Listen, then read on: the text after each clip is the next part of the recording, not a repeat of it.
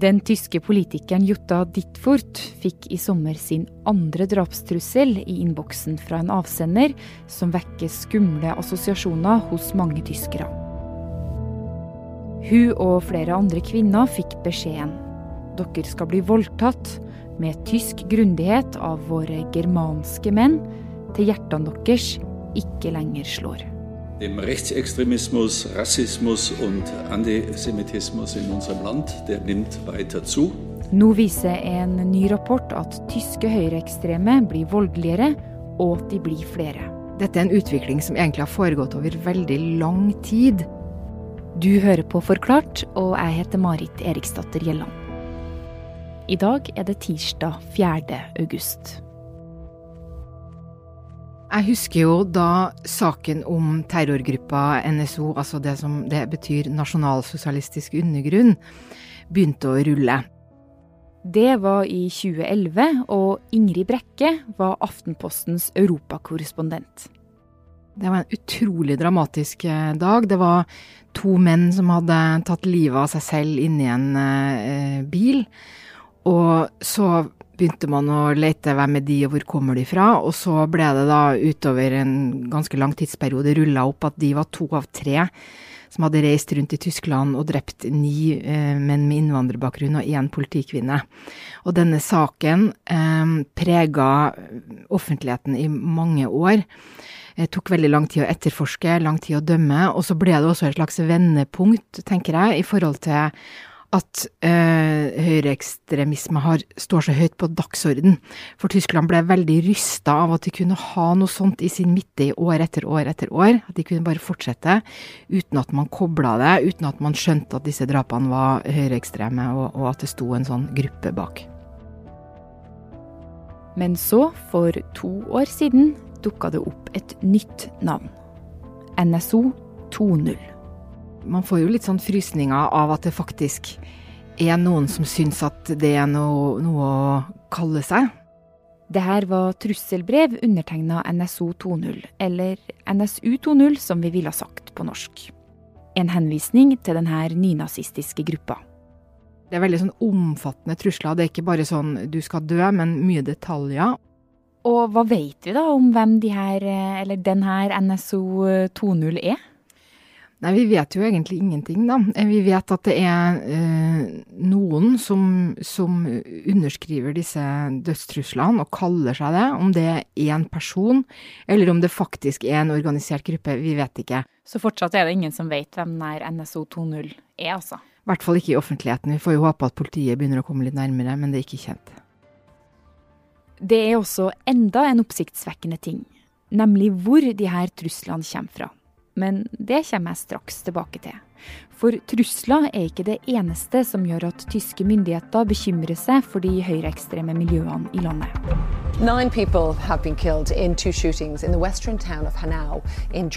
I februar i år ble ni mennesker drept i skyting i to vannpipebarer. Skytemassakren blir etterforska som terrorisme, og politiet tror Den antatte gjerningsmannen var høyreekstrem og tok livet av seg selv, ifølge politiet.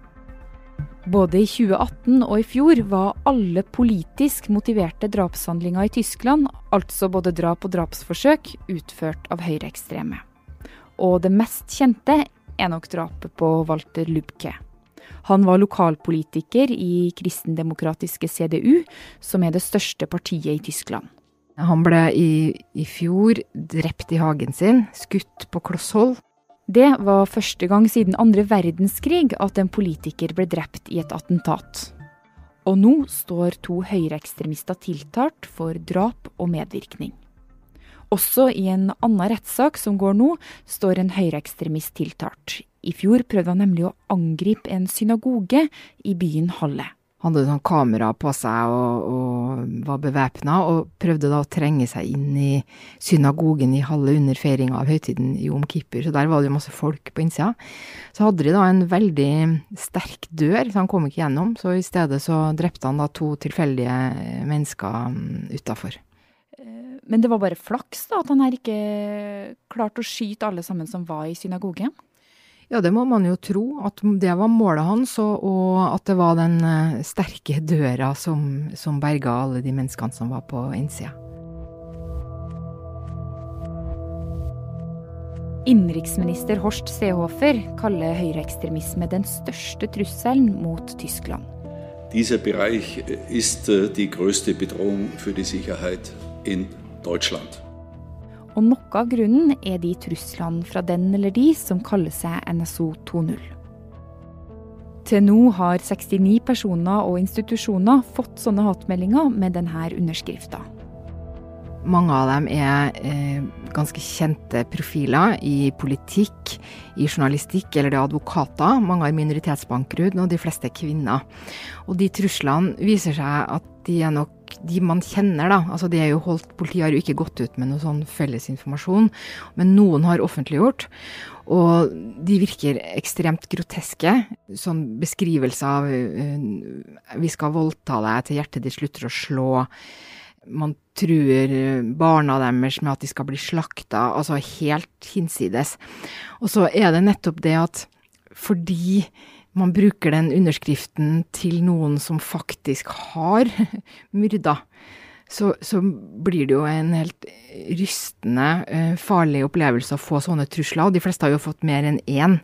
Dette er trusler som er sendt på mm, e-post og i posten og på SMS og forskjellig vis. Uh, som, så det er all grunn til å også ta dem veldig alvorlig. Og noe av det som gjør at de her truslene har skapt ekstra ubehag, er at det finnes koblinger til politiet.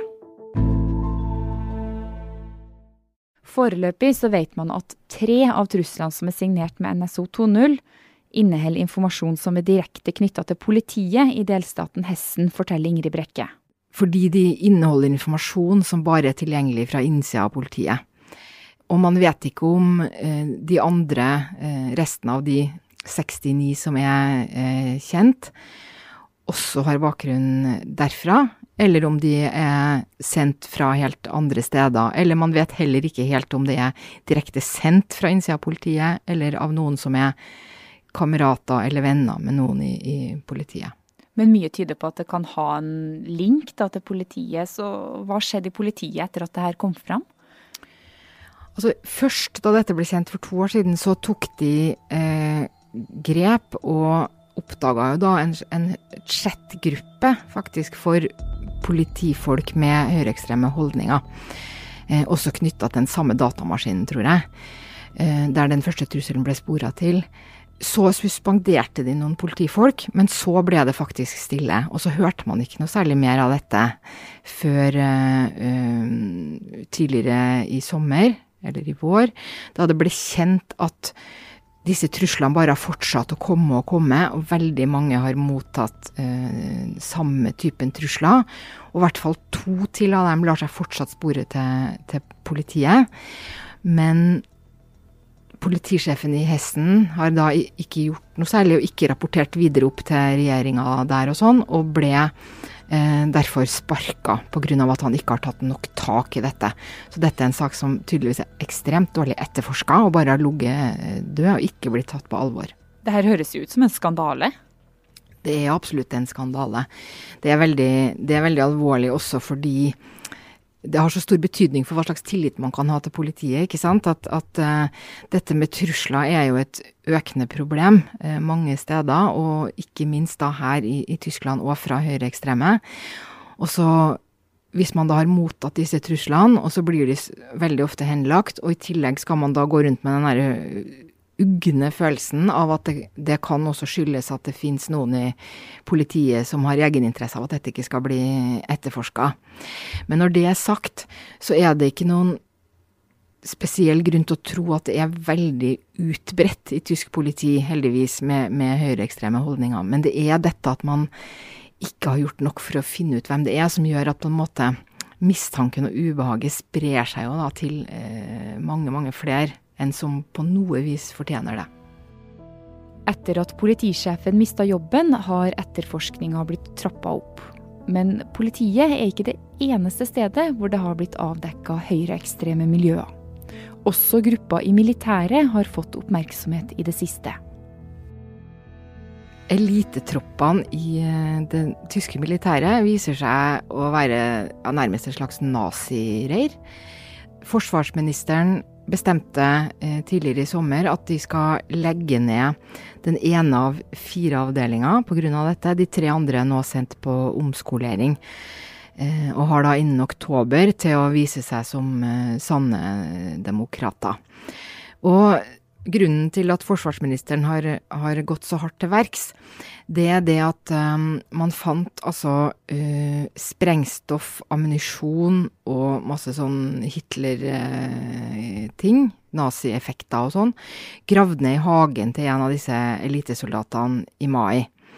Tidligere har det, har det, vært kjent at noen av disse soldatene har holdt en sånn fest hvor det ble gitt, gjort nazihilsen og spilt sånn høyreekstrem rock. Um, sånn at man har jo visst om dette en stund, men da det skjedde, da de hadde en razzia og fant alle disse uh, altså sprengstoff og sånn, da får det jo en helt annen Da kommer man inn, inn, i en ny og veldig farlig verden. Det hører også med til historien at um, i, fra lagrene til det, disse elitestyrkene så mangler det fortsatt 60 kilo sprengstoff som ingen vet hvor er, og ganske mye ammunisjon. Altså, militæret i Tyskland har jo vært kjent for å være et veldig sånn menneskelig militære. De har vært opptatt av sånne ting som at soldatene faktisk også har lært på rekruttskole at de ikke nødvendigvis trenger å lystre ordre når ordren strider mot menneskerettigheter og fundamentale demokratiske prinsipper. Så det er virkelig ikke et sted man skulle tro at sånne uh, holdninger hadde noe særlig vokseplass, da. Og det kan virke rart at det er akkurat Tyskland de her miljøene vokser fram i. Tyskland som av alle land har lært hva høyreekstreme holdninger kan føre til. Men selv om krigen tok slutt og nazismen tapt, så var det ikke akkurat sånn at tankegodset forsvant. Høyreekstremismen ble aldri bort fra Tyskland, den. Og etter flyktningekrisa i 2015 fikk den et oppsving. Det vi ser nå, det er det at høyreekstremismen i Tyskland den har blitt eh, mer voldelig. De har også blitt flere. Men at det også har blitt mer synlig. Vi har blitt mye mer opptatt av det. Jeg så også i en eh, Jeg leste en rapport fra C-REX, dette ekstremismeforskningssenteret i Oslo, som påpeker at eh, det, det, det, som er veldig spesielt med det høyreekstreme miljøet i Tyskland, er at det er helt utrolig variert. Altså, du har både disse eh, gamle nazifolka som kler seg i uniformer og marsjerer i grupper og sånn. Du har helt nye bevegelser som de identitære. Eh, du har disse voldelige angrepene vi har sett av sånne som vi kanskje kan kalle litt sånne ensomme ulver i den Anders Behring Breivik-sjangeren. Og du har en hel masse folk som bare identifiserer seg med det uten at de nødvendigvis er, er voldelige. Du har også et eh, politisk eh, parti, Alternativ for Tyskland, et høyrepopulistisk parti som kom inn i forbundsdagen med 12,6% i forrige valg, så de er ganske store. Og der har nå både ungdomspartiet og en del av partiet blitt klassifisert som, eh, som høyreekstreme.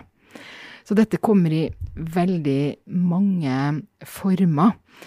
Og det gjør jo også at det er vanskelig for uh, sikkerhetsmyndighetene å holde orden og oversikt og sånn. Så må vi jo heller ikke glemme at Tyskland er Europas største land. Eh, og i forhold til eh, folketallet eh, så ligger de heller ikke så veldig godt an, men da blir forskjellen til andre land ikke så veldig stor, da. Så alle er ikke rasister i Tyskland? Takk og lov er alle slett ikke rasister, og tvert imot så vil jeg jo si at det har Eh, danna seg en veldig klar politisk front i Tyskland, der det man kan kalle anstendig politikk, altså fra eh, kristeligdemokratene og eh, til, til venstresida, Eh, det er ingen som driver og eh, vil samarbeide med Alternativ for Tyskland nå. Alle er veldig opptatt av eh, være, at dette er den største faren mot landets demokrati nå. Det er faktisk høyreekstremisme. Og dette, står, dette er sånn som har utvikla seg litt over tid. og Jeg syns det har vært kjempeinteressant å se hvordan da Alternativ for Tyskland kom inn i forbundsdagen, så var det jo mange som trodde, i hvert fall kanskje ikke så mange i Tyskland, men i hvert fall utafor Tyskland, at nå blir de litt mer sånn moderate, og så kommer de konservative før eller siden til å begynne å samarbeide med dem.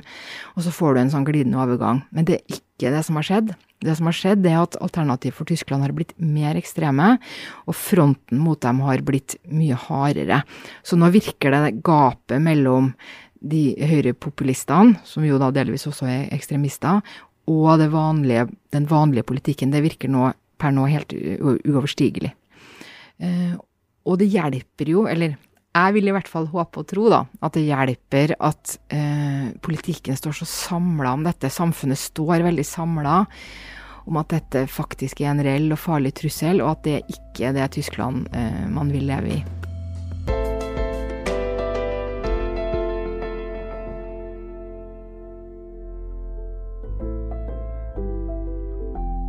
Forklart lages av Caroline Fossland, Anne Lindholm, Andreas Bakke Foss, Fride Næss Nonstad og meg, Marit Eriksdatter Gjelland.